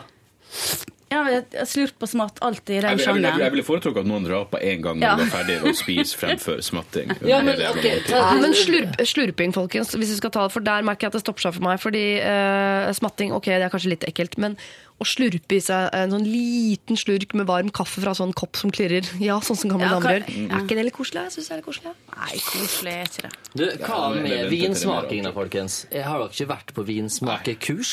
Nei? Der skal man jo altså. eh, slurpe og slafse og holde på. Der skal jo lyd lages. Og det er vel nettopp for at maten Så argumentet til denne matsnobben er jo legitimt, for så vidt. Men er det så stort, det argumentet, at det skal få lov til å herpe husfreden? Ja. Synnøve sitter iallfall med armene i kors, og jeg Altså, jeg hadde heller gjort det slutt enn å leve med en som smatter. Det er ganske Så i dag. drastisk går jeg til verks eh, i ditt spørsmål, altså. Men Nikker du, altså, Dag, fordi du tenker det er friskt å si? Fordi du Ja, er enig? nei, fordi det er jævlig friskt. Jeg har hørt folk som gjorde slutt pga. snorking, men, Ja. eh, men smatting der, eh, Jeg vet ikke om jeg ville gått, gått så langt. Men jeg, jeg klarer ikke å Jeg, jeg ville sett på det som eh, jeg, ville til, jeg tror jeg ville sett på det som eh, en seksuell turnoff, til og med. Hvis oh, ja. noen satt og smatta. ja, men nå må vi skille mellom smatting gjennom hele dagen som et sånn gjennomgående fenomen, eller tre smatt i det du skal kjenne på om den wasabi-sausen du lagde, var like sånn bra. engangssmatt er greit, men når Ja. du sitter og et, og du bare går i et bankende kjør med lyder, det går ikke an. Nei, det er noe Man annet. høres ut som en, en livsnyter, så han er sikkert helt eh, altså, magnifikk inn i senga, eksempel. Hvis han er en sånn Jeg slafsetype. smatta han i andre situasjoner i senga. Helt sikkert Ja, ja. slafser i seg Ja. det meste han fra morgen til kveld. Da veier det jo kanskje opp. Men det som er vanskelig her, er at hun allerede har sagt fra. Ja. Ja. Eh, så hva er alternativet da? Jeg tror jeg hadde trua med bruddet. Han syns maten er viktigere enn hun, og ok, da har han vel tatt et valg. Han har valgt maten foran Rita. Mm. Oi, oi, oi. Det sier mer om henne, det her. Ja, jeg sier jo at her, jeg syns at folk må kunne være litt rause, da. Herregud. Her er vi to mot to, altså. For jeg mener også at den derre uh, på at ja, smatting er Beklager nå, å fornærme to av tre mulige i rommet. Ja. Uh, here it goes. Men det at vi har bestemt oss for at smatting er så innmari irriterende, det mener jeg det er noe vi har lært. som du sier, Indoktrinert med det Det er Noe du har lært hjemme at smatting, det er irriterende. Hvis vi bare setter oss ned og tenker sånn Er det så irriterende? Ja, det er Nei, antageligvis ikke.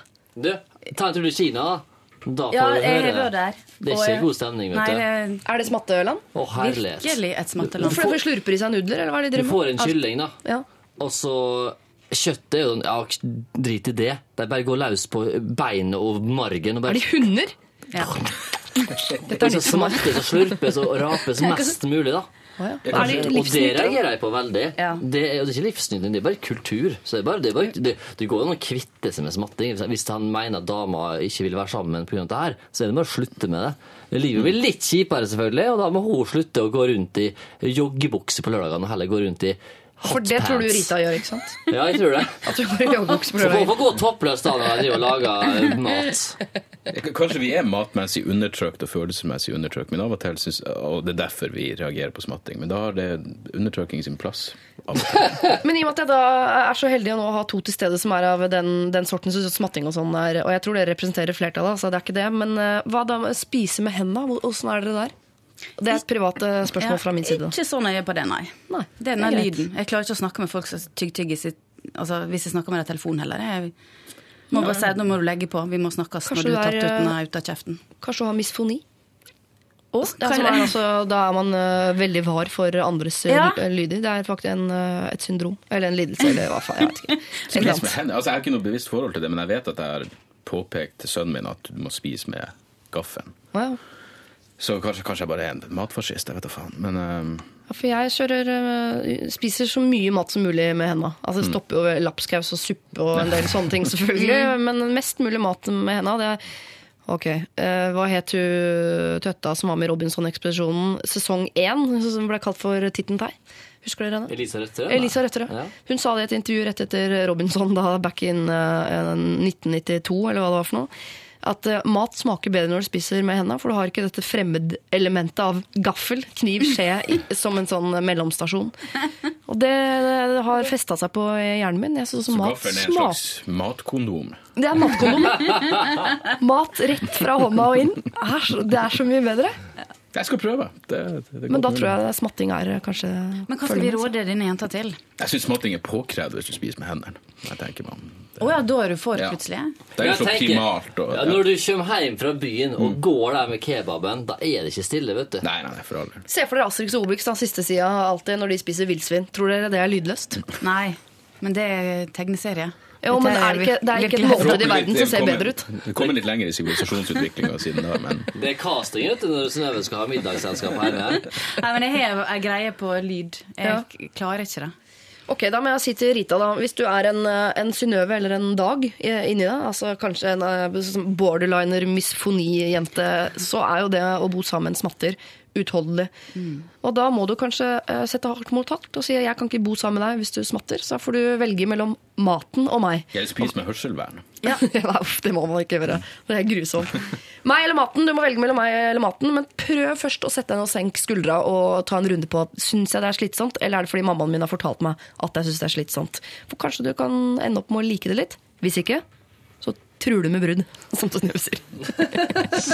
Lørdagsrådet med Siri Kristiansen. På P3. P3. De sier det jo så fint selv. Holy Grail, altså. JC sammen med Justin uh, Timberlake. Og før det så hørte vi uh, gutta i Seimen med deres Døder Line. Jeg driver, uh, Egentlig leser jeg bare krim. Jeg innrømmer det. uh, Så folkelig har det blitt. Men uh, for tiden så leser jeg en slags fagbok som heter uh, Stille. Oversatt altså fra engelsk. En bok som heter Quiet, som handler om å være introvert. Eh, Og jeg er litt vel opphengt i det om dagen, så nå ser jeg alle mennesker rundt meg ser jeg som introverte mennesker og tenker sånn 'Å, stakkars deg, du har ikke funnet din plass i samfunnet', men det er fordi du er introvert. Så jeg er litt slitsom å være sammen med for tiden, men midt oppi det hele så har jeg funnet meg sjæl. Jeg står fram. Hei, mitt navn er Siri Kristiansen. Jeg er et introvert menneske. Og jeg representerer ifølge statistikken antageligvis 40% av befolkningen. Vi skal straks eh, hjelpe en gutt som jeg allerede nå, etter å ha lest mailen, mistenker for å være uh, slik som meg, altså den introverte typen. Uh, Men jeg skal prøve ikke å legge for mye føringer ut fra det, for det er fordi jeg er for øyeblikket litt hjernevasket og midt i en veldig spennende bok. Så jeg håper at Synnøve Skarbø og Gaute Grøtta Grav og Dag Sørås klarer å holde beina sine på jorda, altså den jorda da som er utenfor den boken jeg driver og leser i. At ikke jeg lar meg for mye lede av denne boka, altså. Eh, vi får se. Eh, rett etter eh, Help Me Lose My Mind. Dette er da live-varianten som ble framført eh, hos Kristine for Elizia, eh, Gabrielle og Margaret Berger. P3. Gabrielle og Margaret Berger eh, med sin liveversjon av Help Me Lose My Mind, som de framførte i Kristine for en stund siden, som nå har blitt lista her på P3 fordi folk elsker den. Og det er en veldig veldig fin eh, variant av Help Me Lose My Mind de synger der, altså. Eh, men nå er det lørdagsrådtid. Vi skal hjelpe en ung eh, gutt. Eh, jeg er faktisk litt nysgjerrig på hvem som er yngst av eh, dere to, Dag Sørås og Gaute Grøtta Grav. Er dere åpne, åpne om alder? Jeg er født i 1979. Så du er 34, du, da? 78. 78, så jeg er da 35. Ut ifra når dere har bursdag på året. Men du er yngre enn meg, Siri. Nei, jeg er også 78. Kødda du? så jeg er Jeg ser mye yngre ut enn deg, selvfølgelig. Jeg er helt enig, men eh, Alle her ser yngre ut enn meg, tenker på det. Så det er jo litt nedtur, da. Men det er den sånn fjellufta, det. vet du. Den lager jo rø- røykerynker, den der fjellufta over isfjorden. Ja. Fura værbitt. Mm, Det er deg og Siv Jensen, men med helt forskjellig påvirkning på hud, da. Så sånn gikk det. Ja. Eh, Men vi skal altså hjelpe da en, eh, en gutt som er eh, en av våre yngre lyttere. Han skriver til oss Hei, Lørdagsrådet. Jeg går andre året på videregående. De fleste gode vennene mine fra ungdomsskolen går fortsatt på samme skole og i klasse med meg, og jeg ser dem derfor ganske ofte. Hvis jeg er sammen med bare, la oss kalle dem Aksel og Geir, så er det ikke noe problem, og vi har det veldig hyggelig. Hvis jeg bare er med en av dem, er også ting helt fint. Men hvis vår gamle kompis fra ungdomsskolen, Lukas, blir med, så begynner de tre å snakke om så mye interne greier at jeg blir helt utenfor. Det er veldig slitsomt, og hvis jeg prøver å bli med i samtalen, får jeg egentlig ikke vite hva de snakker om, og de bare fortsetter. Har dette problemet på skolen også. Der er det Geir, Aksel og pluss en til, som vi kan kalle Mari. Og når de tre er sammen, blir jeg ofte veldig utenfor i samtalen, og det føles som om egentlig ingen av dem gidder å snakke med meg. Jeg har prøvd å løse dette på flere måter, men det virker ikke som de tar hintet. Vi har en annen felles venn fra ungdomsskolen som går på samme linje. Eh, Han har begynt å kutte ut vår gamle gjeng mer og mer. Jeg tror også han er lei av alt det interne pratet. Jeg tror vel egentlig ikke de gjør dette med vilje, men det er slitsomt å alltid føle seg utafor. Kan legge til at jeg har vært venn med Aksel og Geir siden barneskolen, at det var Lukas og til dels Mari som kom inn i gjengen vår på da ungdomsskolen. Så Lørdagsrådet. Hva skal jeg gjøre for ikke å være så utafor i samtalen hele tiden? Hilsen Ulrik utafor. Hei, Ulrik. klassisk problem. Mm. mange som jeg- nikker her, tenker jeg. Og skriver, vil du si fasiten, Synnøve? Nei, du kan få ta den. Eh, eller i hvert fall jeg tenker eh, fasiten er jo bare vente. For snart er videregående over, og så får du nye venner i den virkelige verden. Og så om ti år tenker du å shit, så glad jeg slapp eh, å være sammen med de folka på videregående. Hvis det er noe trøst for han, så har han adskillig mer venner på videregående enn jeg hadde. Var du eh, loners på videregående? Ja, jeg var veldig loner. Jeg hadde vel én ordentlig kompis. Eh, Ja. Men det, det, jeg tror bare det er alt, man, man forandrer seg så jævlig mye. At selv de som jeg gikk på ungdomsskolen med, plutselig virka som fremmede mennesker. Ja. Og nå er det vel én jeg kan komme på som jeg har noen form for kontakt med, som jeg gikk på skole med i det hele tatt. Ja. Så, eh, så jeg er helt enig i at bare vent det her av, ikke prøv å sette deg inn i deres interne pissprat. Hva- Det, livet er for kort til det, altså. Fokuser på en folkehøgskole, kom deg dit. Ja, men en annen ting er at Du trenger ikke vente helt til du er ferdig med videregående før dette går over. For om kort tid så kommer dere til å ha internprat også. Dere kommer til å oppleve mer og mer ting sammen på skolen, og vips, så er du også inne i det interne. Ja, for Jeg også oppfatter Ulrik eh, kun ut fra det vi har lest her, altså som at det der interne praten det er ikke bare det at det er internt, men jeg innbiller meg da, Ulrik, at antageligvis så er den praten litt uinteressant for deg, og nettopp derfor så er du utafor i den. For den Ja. er ikke Jeg tipper du egentlig syns det er kjedelig. Det der internpratet de holder på med, er sikkert bare sånn pjatt. Jeg tipper du er for smart for de greiene der. Jeg ser det som å høre faren min og broren min diskutere bil. Ja, ikke sant? Så Sitter du og tenker på mye større og viktigere ting. Men han nevner jo også en eh, kompis her som han tipper begynner å bli ganske lei av det interne. Heng med han, da. Enn så lenge, for han har jo ett og et halvt år igjen på videregående. Det er ikke sånn at han kan sette seg i et hjørne og vente på å dra på folkehøyskole. Det blir litt lenge å vente. Ja. Men jeg tenker bare øh, drit i Aksel og Geir, da. Men du, det er ikke for seint til USA, vet du, som er på i andre klasse nå. Eller da det er for seint, det, faktisk. Nei, du kan reise etter Etter andre klasse, du kan det. Ja, for jeg bare, det, det er jo bare å hive seg rundt, komme seg til utlandet, Italia, USA, England, bare få noen nye impulser. Og da kommer vi jo tilbake til en ny klasse og gjør siste året sammen med deg. Og det kan jo være litt sånn deilig forfriskende. Jeg angrer enda på at jeg ikke gjorde noe sånt. Ja. Ja, eller hvis uh, Ulrik er en sånn type som jeg tipper at du også, Dag Sørås, kanskje er, som aldri vil bli en sånn som har Jeg syns det er dødskult med sånn 10-12 venner rundt som bare har en intern greie og snakker om bil og har det dødsfett hele tiden. Men som er en litt mer sånn Jeg vil ikke kalle det eh, ensom ulv, men som er en litt mer eh, betenkt type.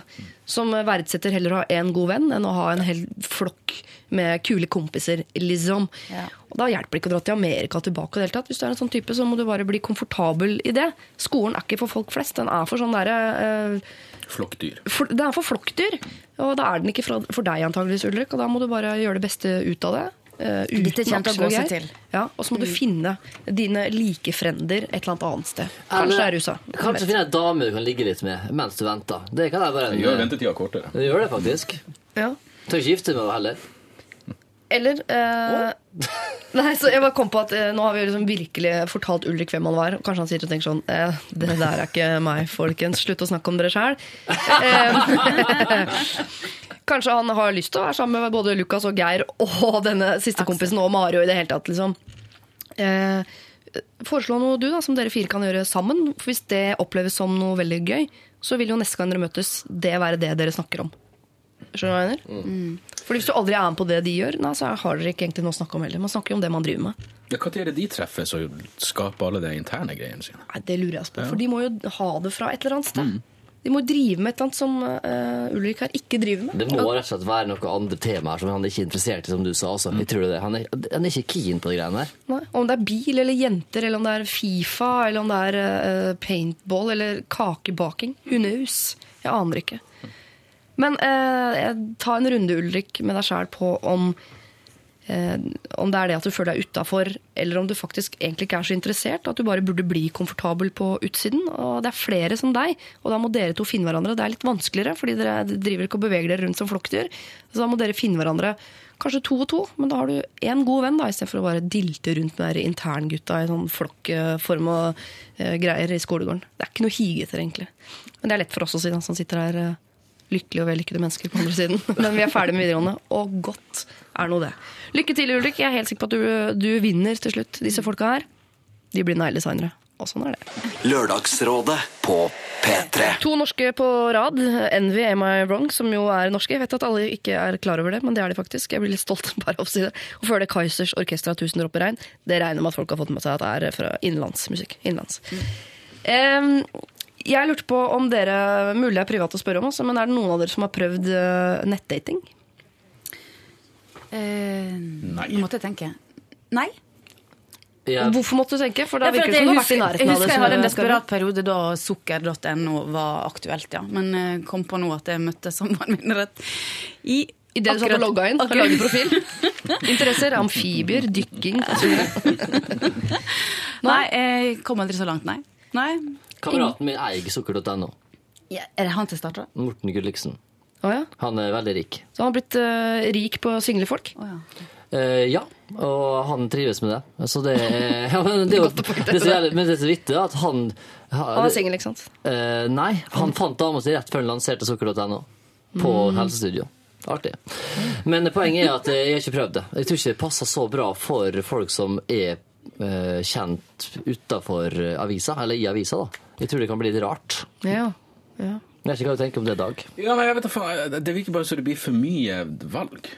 Altså, Jeg tror ikke det er godt å ha så godt utvalg som du får på nett. Jeg tror det er bedre å bare Den klassiske greien er jo at den du ender opp med, er en venn av en venn av en venn på et eller annet vis. Og det begrenser det. Litt lettere å holde fokus, da. Ja. Jeg, tror hvis du, jeg, jeg har aldri vært inne på sukker.no, men jeg vil tro det er godt utvalg. Og da Jeg, jeg tror det, det, det hemmer valgene dine å ha for mye å velge i. Du merker, jeg syns det er bedre å fiske Ja. på Sognsvann enn i Ja, Det er ikke en oppfordring til innavl eller noe sånt, men uh... Ja, for du tenker rett og slett at ja, det her var ok, men det fins kanskje jeg, enda jeg, jeg, bedre. det blir som internettporno. ikke sant? Det er sånn, å, det, det er ok, men det fins jo alltid noe annet. Ja, Begynner med fingring og ender opp med sånn heste-anal-rape-aktig. Det At det er går for langt. det jeg refererte. Ja, skjønner. Men er det, jeg husker i begynnelsen man hørte om nettdating, så husker jeg venninner som sa sånn Nei, fant på hvor de hadde truffet folk, og så var det egentlig for de turte ikke å si det høyt. Nei. Men nå i, i 2013 har vi kommet dit nå at det er liksom helt stuereint. At det er ingen som Ja, ja, For det viktigste er vel at man finner hverandre, om det er på dansegulvet eller på sukker. er vel ikke så Det er ikke nøye. lett å finne folk. Nei. Altså, Jeg har single venninner, single kompiser. Det, det er jo ikke lett. Altså, Vennegjengene er jo ganske homogene. Arbeidsmiljøet er ganske likt fra år til år. Hvor finner du nye folk? På byen? Nei, vet ikke helt, altså. Jeg tror det er tilfeldig. Hvor som helst kan man finne. Her og der. Hjemme, ute. På, av. I det hele tatt. Helt tilfeldig. Noen har flaks, andre ikke så mye flaks. Rett og slett. Men du kan ikke sitte inne i stua di og vente på at en fyr banker på. Det hvem skjer vet? ikke. Jo da. Det skjer det òg. Det tar jævlig lang tid, bare. En dag dukker det opp en postmann eller nettbud eller et eller annet som eh, du vet. Ok, vi skal eh, over i, fra eh, dette til nettflørting. Men først litt musikk. P3. Det var eh, Bastille med låta om kvinnen som er det nærmeste som har kommet eh, å være mitt forbilde opp igjennom, Laura Palmer. Siden det har jeg kutta ut å ha forbilder, i og med at når jeg ble eldre skjønte at hun var eh, en, et dødt menneske som også hadde vært prostituert. Så tenkte jeg du veit ikke åssen å plukke forbilder, jenta mi. La det være. Dagens rådgivere er komiker Dag Sørås, programleder Synnøve Skarve og programleder Gaute Grøtta Grav. Og vi skal altså da, som allerede sagt, over til nettflørting. Hei, Lørdagsrådet. I juni ble jeg over internett kjent med en, fyr, med en jente fra Hongkong. Vi har i løpet av sommeren chattet sammen hver dag. Gjerne mange timer av gangen. Vi har også blitt ganske godt kjent med hverandre. Hun har eh, lovet å besøke meg neste sommer, og jeg har nå fått ganske sterke følelser for henne. Et par måneder før vi begynte å chatte sammen, slo kjæresten hennes opp med henne, da han ville møte andre jenter. Hun har fortsatt følelser for han, og føler seg veldig trist iblant.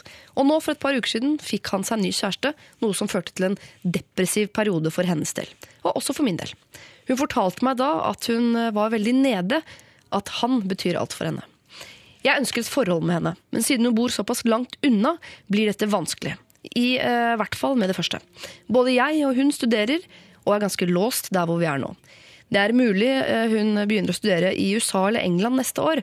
Hun sa hun ville komme og studere i Norge pga. meg. Dette var visst øh, øh, grei, eh, Men hun syntes det var greit å kjenne noen der hun skulle studere. Eh, Men det viste seg at det ikke kom til å gå. Jeg vil også nevne at hun har sagt at det kan bli noe mellom oss i fremtiden, da fremtiden er usikker. Hun har også nevnt at hun ville elsket om jeg bodde i byen hennes, da hun følte seg tiltrukket av flere av mine egenskaper. Så, hva bør jeg gjøre? Hvis jeg forteller henne om følelsene, kan jeg risikere at jeg skremmer henne vekk. At hun ikke ønsker å ha mer kontakt med meg, da hennes følelsesmessige bånd til eksen er for store. Dette vil ødelegge meg, da mine samtaler med henne er det jeg ser fram til om dagen. Og jeg ønsker selvfølgelig et besøk av henne. Jeg vet ikke om jeg klarer å sitte inne med følelsene mine for henne så altfor lenge. Hilsen Fredrik 25. Noe følelser må han jo ha sagt til henne, i og med at hun nevner at det er mulig at de har en framtid sammen. Det, altså, det, jeg bare tenker at det må jo komme fra et eller annet sted. Så noe må han jo ha fortalt henne. Jeg, jeg, fikk, jeg fikk inntrykk av at de hadde et forhold først. Ja, altså De har jo et vennskapsforhold. Da. De snakker i timevis hver eneste dag. Men de snakker jo da bl.a. om eksen ikke sant? Ja, og er studering og ja. Ja, nei, altså, jeg, jeg, jeg tviler ikke på at du kan bli Jeg ble veldig godt kjent med dama mi via SMS-meldinger ut av helvete, men da hadde jeg jo truffet henne. Ja. Hun- han- Hvis han aldri har truffet henne og kun prater om henne Det kan jo være en 13 år gammel gutt. Altså bare kødder med. Så, så det, det virker litt drøyt å skal forandre. Skype, Ja, det er sant. De, de har snakka sammen. Ah, ja, ok. Ja, De har snakket sammen eh, også på telefon, så de har hørt hverandres stemmer. Men det er som sier, de har ikke møtt hverandre, og det er mye rar semi som man tror er der, som ikke er der når man møtes. altså. Ja, jeg, jeg tror ikke han skal legge all håp for framtida i dette forholdet. Nei. Men Hongkong er en veldig kul by. Ja. Så der er det jo egentlig bare å spare opp en billett og dra. Og tenk hvor kult å kunne bo gratis. Ha Ja. en lokal guide. Og så om det ikke blir noe forhold ut av det her, så har jeg vært i Hongkong og fått en liten sånn lokal guidings. da. Og det er jo faktisk verdt pengene i seg sjøl. Ja, helt enig. Dra på besøk før du flytter dit. Ja. Og gjør det fort! Gjør det nå! Ja, og så er det mye sånn hvis som dersom og kanskje og neste år og i USA. Skal han flytte dit? da Skal han møtes der? og? Åh, Nei, nei, nei, nei. Det viktigste er vel at de møtes. For jeg tenker sånn, det, Dette kan jo være stor kjærlighet, så det er for dumt å sitte og, og synse det stykker her hjemme i Norge. Du må jo uh, hoppe for å se om det er noe der. Handlingens mann! Sorry, Mm. Nei, jeg sa bare at han må treffe henne. Ja, Litt faderlig fort. I Hongkong. I Hongkong. Ikke få henne hit. Det kan bli eh, Flaut. Det kan bli flaut, ja. Det kan bli kleint. Det er som å få grekeren på besøk etter sommeren er over. Snakker jo om egne erfaringer. Ja. Har du fått en grek i Ikke greker, en italiener. Gjorde ja. Som er henta på Åndalsnes for øvrig. Togstasjonen på Åndalsnes. For han tok flyet ditt, han, eller? Fra Han tok Milano, eller? Han tok fly til Oslo og tok toget derfra. Og der står jeg med familien, foreldrene mine, og venter på han. Og foreldrene dine. Ja, ja. Du har ikke gikk ut av toget, tenkte du. Eh, jo, men dette her var da jeg var 17 år. Eller var jeg 16? Ja, det var Veldig forståelsesfulle foreldre. Veldig. Nå har vesledattera vært på interrail, fått med seg en italiener. På språkreise var jeg i England og møtte han. Forelska meg hodestups. Ja. men nå, vi, nå skal vi snakke om han som skal Nei, til nei, er vi fullfører Ja, ja, Eh, så kom han på besøk. Eh, han var veldig deilig i eh, Brighton i sin Mm. tid. Kom på flyet, eller kom og henta på Åndalsnes. Like deilig for så vidt, men han ble liggende og røyke hasj på pikerommet Mm, hele jula. Han pika i England, han. Ja, Og så gikk det nedover derfra. Og det er det jeg mener at han bør unngå å få henne fra Hongkong hit. Da kan han gå i Hadde han med seg hasj, eller fant han en lokal dealer han, på Åndalsnes? Det vet jeg faktisk. Jeg tror han hadde med seg Faren til jaggu Synnøve. med. Han Han hadde med hadde med fra det, så han har smugla også, så han var kriminell. Ja, han var det. Han eh, endte i fengsel, faktisk. På Åndalsnes. Nei, i Italia. Spennende type, da. Spennende. Sånn bad guys du liker, altså. Ja, jeg liker det. Men ok, eh, da har vi fullført disse. Jeg er enig, vi må tilbake til eh, han her eh, fyren. Ja. Reis til Hongkong. Ja, fordi Det er jo ikke hunden i Hongkong som ber om råd, for da kunne vi jo ikke gitt det samme rådet. Men nå er det jo nå en gang du som ber om råd, og jeg syns også du skal dra dit. For som gjest så har man muligheten til å øh, dra når som helst. Hvis man har noen på besøk. Litt vanskelig å bli kvitt folk, øh, kan hende. Eh, og så må Hva syns vi skal være ærlige om følelsene sine, eller for han er redd for å skremme det bort? Ta en fin prat om det når du kommer til Hongkong. Ja, ikke ta det på forhånd. Nei. Sjekk om De følelsene kan fort forandre seg når du Ja. har truffet henne. Så Pass det er best ikke ha for mye ekstra bagasje når du Ja. lander.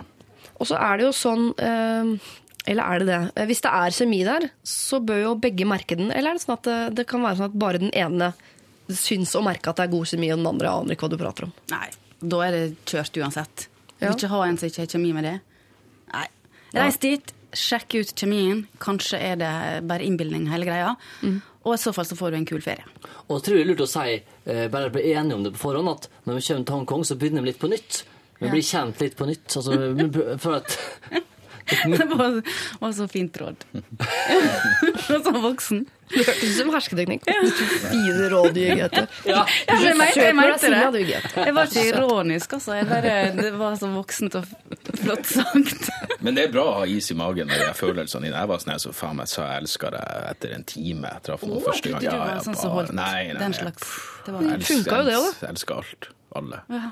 Til hver tid. Jeg har så, Så lyst til å møte henne, merker jeg. Er det mulig å få på noe Det lar seg sikkert gjøre. Hun har mer sosial angst enn meg, men det, det ordner seg, det. Det, jeg elsker sosial angst. Eh, ok, Det du må gjøre, er å dra eh, Fredrik, du må dra til Hongkong, men dra dit som sånn Hei, ferie blir hyggelig å hilse på. Alltid hatt lyst til å se Hongkong, blæ, blæ. Ikke dra dit sånn jeg kommer med en stor hemmelighet inni meg, og den skal jeg hvelve over deg som en gammel glasur på flyplassen. Så eh, ta, ha litt is i, i magen, men dra ned dit med eh, åpent sinn, åpne kort og alt det der, Ta og med se. din egen, ta med din egen hasj. Ta med din egen eh, tannbørste, er det vi prøver å si, og kos deg i Hongkong. P3. The Wombats var det med låta Your Body Is A Weapon. Det passer veldig fint. Vi skal over i noe kroppslig, og noe som også eh, kan være et slags våpen. Det kalles i hvert fall for eh, bazookas, blant annet, eh, innimellom. Ja, vi skal inn i puppeland. For dere som er mine venner på Facebook, så la dere kanskje merke til en oppdatering jeg la ut her om dagen. Og ikke, Man skal jo ikke skryte av sine egne oppdateringer og si sånn Haha, så dere det? Det var morsomt. Men jeg syns det var veldig morsomt, da. I hvert fall fordi det er sant. Jeg tømte min sønns sparegris. Altså Han har en sparegris som er full av penger. Men han vet jo ikke hva penger er. ikke sant? Vet jo ikke forskjell på en tier og en tusenlapp. Så jeg dro inn lokale banken i Son sentrum, tømte alle pengene ned i et sluk, og ut kom det altså 1400 kroner. Ganske så deilig. Dro da rett over gata i Son, hvis man kan kalle det en gate. Inn i blomsterbutikken, kjøpte en blomsterkvast for å gi det til en uh, venninne som har fått silikonpupper. Eh, og det, da tenkte jeg nå vet jeg ikke hvilken retning samfunnet beveger seg i. For her, jeg stjeler penger fra min sønn og gir det til en venninne som har fått silikonpupper. Men sånn var det i hvert fall. eh, altså. Om det er riktig eller galt, det vet ikke jeg. Eh, Det ble i hvert fall en morsom Facebook-oppdatering, syns jeg, da. Eh, og vi skal altså inn i den problematikken der. Silikonpupper, ikke silikonpupper, osv. Jeg aner ikke hva Synnøve Skarbø, eh, Grete Grøtta Grav og Dag Sørås syns om dette med silikonpupper. Og det vet jo ikke du heller, men hvis du fortsetter å høre på, så får du altså vite det. Men først så får du høre Johnny Onkel P med sin Glir forbi, og etter det Miley Cyrus, Wrecking Ball. P3. Miley Cyrus og hennes Wrecking Ball før det eh, Johnny Onkel P med en helt annen låt, Glir forbi. Vi skal eh, inn i silikonens herlige verden, eh, folkens. Eh, Har dere vært der før? Dag Sørås, Grete Grøtta Grav, Synnøve Skarbu. Ikke vært der før. Ikke vært der før? Nei. Ingen som har noe silikon noe som helst sted på kroppen? Du må tenke, Dag. Ja, nei, nei, jeg bare prøvde. Jeg, jeg, kom, jeg har aldri tatt på silikonbrøst engang. Jeg har Nei. null erfaring. Har tatt på, Grete? Eh, kanskje. Eh, litt usikker. Og for du veit ikke om Dorte sine er silikon eller ekte. Hei, Dorte. Unnskyld. Skappel, altså. Hei, Lørdagsrådet. Silikon. Jeg vil, kjæresten vil ikke. Jeg er en jente på 25 år med en baby på 9 måneder. Jeg hadde små pupper før, men etter graviditet og amming er det ingenting igjen. Kjent problem. Men jeg ønsker egentlig å ta silikon for å fylle opp, eh, kun slik at det ser naturlig ut, da. Men kjæresten vil ikke. Med hus, barn, bil og flere slike utgifter føler jeg ikke at jeg uten hans samtykke kan svi av 30 000 kroner på meg sjæl. Jeg trenger råd for hvordan jeg kan enten snakke og overtale han, eh, eller legge silikontankene fra meg. Jeg har prøvd det, altså, men uten hell. Hilsen jente som vil bli dame. Ja, det er jo nesten Det er veldig få eh, Nå høres det ut som alle venninnene mine snakker om at de vil ta silikon, men det er veldig få jeg hører om som vil ta silikon, som ønsker noe annet enn at det skal se naturlig ut. Det er ingen som sier sånn Vet du hva, jeg vil ha sånne kapow, svære eh, 16 kilos droner foran på kroppen. Men eh, altså, hun ønsker, forståelig nok, å eh, få brystene fra ingenting og opp til noe, da. Og jeg tenker, selvfølgelig skal du få lov til det.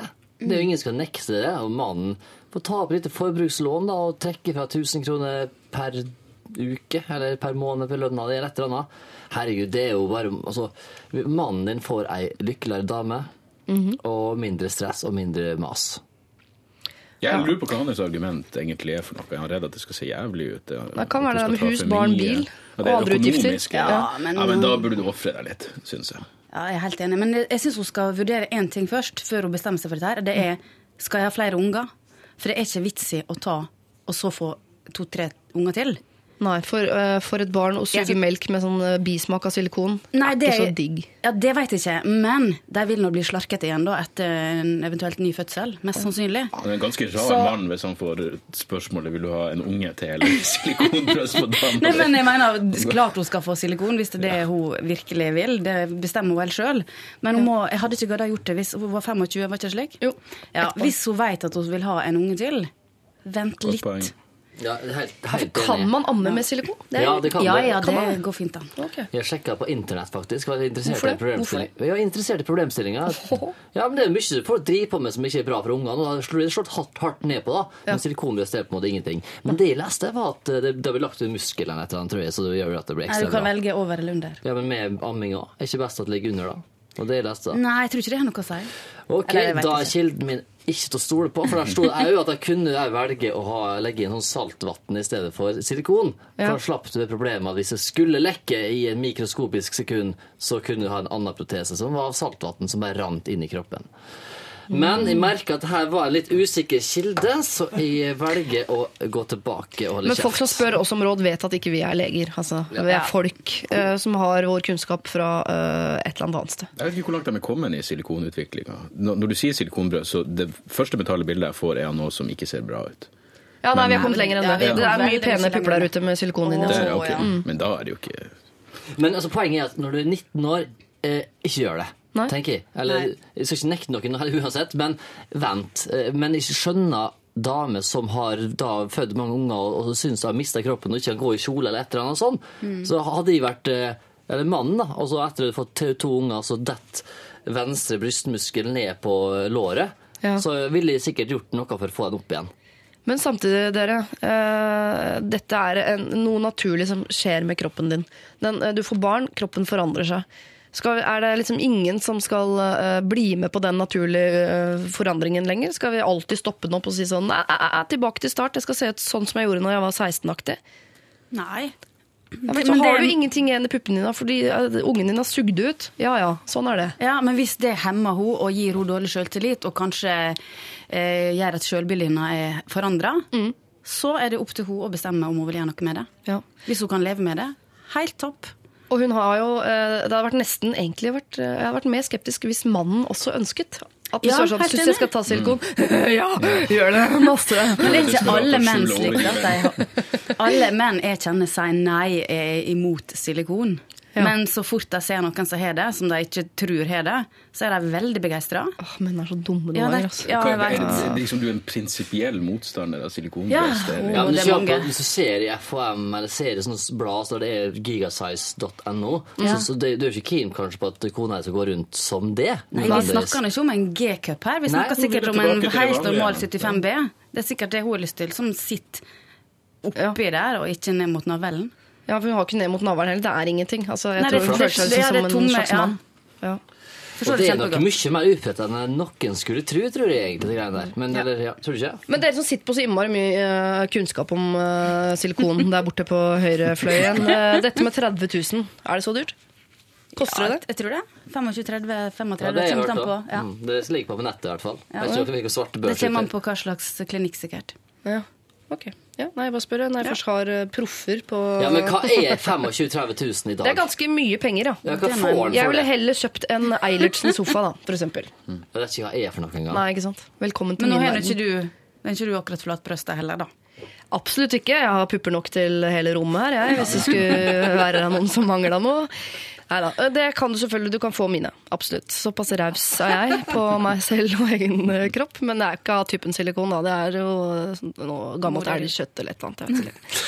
Du, eh, Her er det god stemning for eh, silikon, og det tror jeg sier noe om tida vi lever i. Om jeg mener det er positivt eller negativt, det får uh, bloggverden ta stilling til. Eh, så ta og snakk mer med mannen din og eh, få han til å skjønne at du ikke har det godt med deg selv. At du kommer til å bli en eh, lykkeligere jente. Ikke bare at du kommer til å bli en jente med fine bryster, men du kommer til å få det bedre inni deg ved å ta dette inngrepet. Eh, og de 30 000, jeg skjønner at det er vanskelig å få tak i de, men, og der har jeg ikke noe tips til, hva du kan gjøre, eller Jo, det er eh, altså, gå med avisen, eller Droppe Dropp Rodos-turen. dropp turen til Rådås. Eh, og stikk på en eller annen klinikk isteden. Jeg hadde blitt så sur hvis mannen min kom inn og sa du, det blir ikke noe sydentur på oss fordi jeg skal bleke hva. Men eh, det, den greia der får dere ta. Du har i hvert fall eh, full støtte herfra. jeg trenger ikke julegave, jeg trenger ikke morrabrød, håper jeg. Jeg trenger Da er vi oppe i 1500 kroner. Ja. Ja. Resten av livet. Nei, jeg skjønner. Det økonomiske Ikke- har vi ikke råd på. huset. Nei, Ikke pantsett huset, ikke bli en luksusfellefyr osv. Men hvis dere finner det i økonomien å få plass til dette her, ja, så har du øh, en mengde tomler opp herfra. Og da er det bare den siste tommelen igjen, og det er mannen din sin. Og det er jeg helt sikker på at du får til hvis du spiller på følelser. Lørdagsrådet På P3. P3 Da skal vi dele ut en T-skjorte her i Lørdagsrådet, og her sitter dere på Hva har vi hørt? Hva har vi hørt? Det skal jeg fortelle deg. Vi har uh, hørt uh, Count On Me, blant annet. Uh, Chase and Status sammen med en eller annen som heter Moco. Mm. Fikk du svart på det.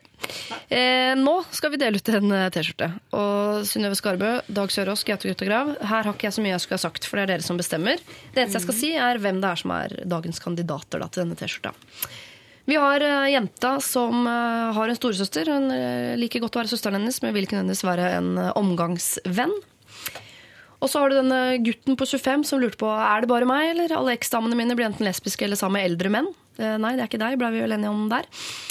Eh, og så har du han som vil hevne seg på naboen sin, som har fått han kastet ut. Og vil annet eh, spy gjennom brevsprekken hans, og lurte på andre tips og triks til hvordan han kunne gjøre livet hans jævlig. Vi har en anonym for så vidt, som syns det er vanskelig å svare på dette 'skal ikke du få barn?'-spørsmålet, for hun kan ikke få barn. Eh, og så har vi et par her som eh, begge to er snobbete på mat. De liker god mat, men den ene smatter og bruker som argument at da smaker maten bedre. Dama holdt på å bli gæren. Rita klikker. Eh, jeg faller utenfor samtaler. Husker dere han? En ung gutt som ikke klarer å henge med helt i samtalene til kompisene hvis de er eh, mange. De snakker bare om interne ting. Og så har vi eh, gutten som har et slags eh, avstandsforhold, vennskapsforhold eh, nede i Hongkong. De har bare snakket på internett, og vi rådet han til å dra til Hongkong og møte denne dama. Så har vi en ung mor med små pupper, sier hun. Eller ingen pupper, sa hun vel til og med, som ønsket vår aksept for å ta silikon. Noe hun ikke fikk hjemme hos sin mann. Hvem av disse fortjen, føler dere at har behov for en T-skjorte? Mest. Jeg syns at hun jenta som eh, ikke kan få unger, Ja. kunne fått ei T-skjorte. For da kan det stå eh, Får får spørsmålet, da. Ja, så ikke dere få unger? Kan hun si bare Du, jeg lurer på det. Ring Lørdagsrådet. Ja, Eller last ned podkast, så får vi flere lyttere. Enda bedre. Mm. Og så kan du bare trykke peke på skjorta mens du går rundt på Kiwi. Men i dag har ikke andre meninger. Jeg syns han hevnløst er Jeg, jeg synes hevnløst er så stigmatisert instinkt i vårt samfunn at det at han er åpen og ærlig om at han har lyst til å gjøre livet råttent for en annen person, er verdig T-skjorte. Men jeg er villig til å gi meg, siden jeg sikkert havner i mindretall. Ja, jeg satt faktisk og vurderte akkurat de to alternativene som dere Ja, men nevner. Du kan få Du er jente, og Ja, du er er det jeg som får siste ordet. er det litt sånn Jeg, bare, jeg, jeg sa at jeg ikke skulle si noe, Ja, men det. eh, det er veldig vanskelig for meg. Ligger ikke i min natur. Ja. Litt ovenfra og ned og si sånn Kan du ikke få barn? Ja, men da kan du i hvert fall få en T-skjorte. Jeg hadde blitt litt irritert, da, for å være helt ærlig. Det Ja, sånn, jeg... og det er ikke slik at hun går rundt i den T-skjorta 24-7 for Nei, nå av slik hun kan bruke det som ja. Barnløshet kan ikke helt måle seg med frossent spy i karneval. Nei, akkurat den spyseansen den synes jeg var ganske finurlig. Så Så er det vi om jo han jackass. Det er det vi driver på med nå. Det er greit. Ja, vi er litt uh, Må bli enig. Hva med eh, Jeg bare nevner helt tilfeldig hva med denne gutten som føler at han faller utenfor i samtaler? Ja. Fortjener han en T-skjorte, kanskje? Så sitter han alene med en T-skjorte da blir han litt sånn nerd. ja. Og det, Fordi han var P3-T-skjorte, hva mener Nei, du? men for at han, for at han tok, tok eh, tastaturet fatt og liksom ba om råd. Nei, det er og det ble han på. Elsket av jentene. Ja. mm. Jeg vil ikke at han skal få juling i tillegg til at han er utafor. Ja, da blir du i hvert fall ferdig med det. OK, gå for spy da, folkens! Ja, men han eh, spymannen kan få T-skjorta eh, hvis han sender oss en liten mail på hvem denne Frp-politikeren er. Vil du ha mail fra en fyr som pleier å spy i ildfast form og gi det til naboen? Kan sende det til det. Ok, eh, du får en T-skjorte, du hevngjerrige nabo, eh, og det kan være en fin start på et nytt liv i en annen leilighet osv. Synnøve Skarbø vil veldig gjerne vite hvem denne Frp-politikeren er. Eh, Det vil ikke jeg, men jeg må jo lese mailen først. så Send den inn. lralfkrøll.nrk.no. Eh, tusen takk til dagens rådgivere. Det har vært en fornøyelse å ha dere her, alle tre. Dag Tørås, Gaute Grøttegrav og Synnøve Skarbø. Tusen takk for oss. P3. Emilie Nicolas og hennes stereo, før det uh, Eva, eh, The Heartmaker, med deres uh, Signals. Lørdagsrådet er slutt for i dag. Rådgiverne har gått hjem, eller på kafé, eller jeg aner ikke hvor de er. Kanskje de har gått sammen et eller annet sted for å ta seg en svømmetur på et offentlig bad. Hva vet jeg? Jeg aner ikke. Det jeg vet, er at du kan laste ned dette her som podkast hvis ikke du har fått med deg hele, eller du har et ønske om å høre det igjen. Da gjør du det på nrk.no podkast f.eks., eller via da iTunes. På Facebook-siden til Lørdagsrådet så ligger det nå et eh, herlig lite bilde av dagens rådgivere og meg selv. Eh, Gaute står så altså, så tett inntil meg som jeg aldri har vært den mannen før, eh, bak ryggen min. Det var eh, intimt og herlig, og gir eh, et uttrykk i mitt fjes som kan tolkes i diverse retninger. Eh, Kos deg med det. Send inn eh, problemer hvis du har, eller nrk.no bruker du eh, da. Og så er det jo hyggelig om du blir med Lørdagsrådet over på televisjon, for du trenger ikke å vente en hel uke med å få din dose lørdagsråd, for vi fins nå også som råd på televisjon NRK3 på torsdager 22.20. Har allerede sendt et program. Eh, Fint program, det. eh, Og det blir fint neste torsdag også, så bli med på det. Og bli med oss videre altså da neste lørdag. Tusen takk, eh, Dr. Jones, produsent og tekniker. Jeg likte at du sa televisjon. Televisjon! Bare hyggelig. Det har vært en fornøyelse å ha deg med, som alltid. Eh, kos dere med Ayama Jedi opp mot eh, nyhetene, og fortsett å kose dere på andre sida sammen med Radioresepsjonen. Ha det! P3 Dette er Lørdagsrådet på P3. P3. Hør flere podkaster på nrk.no podkast. P3.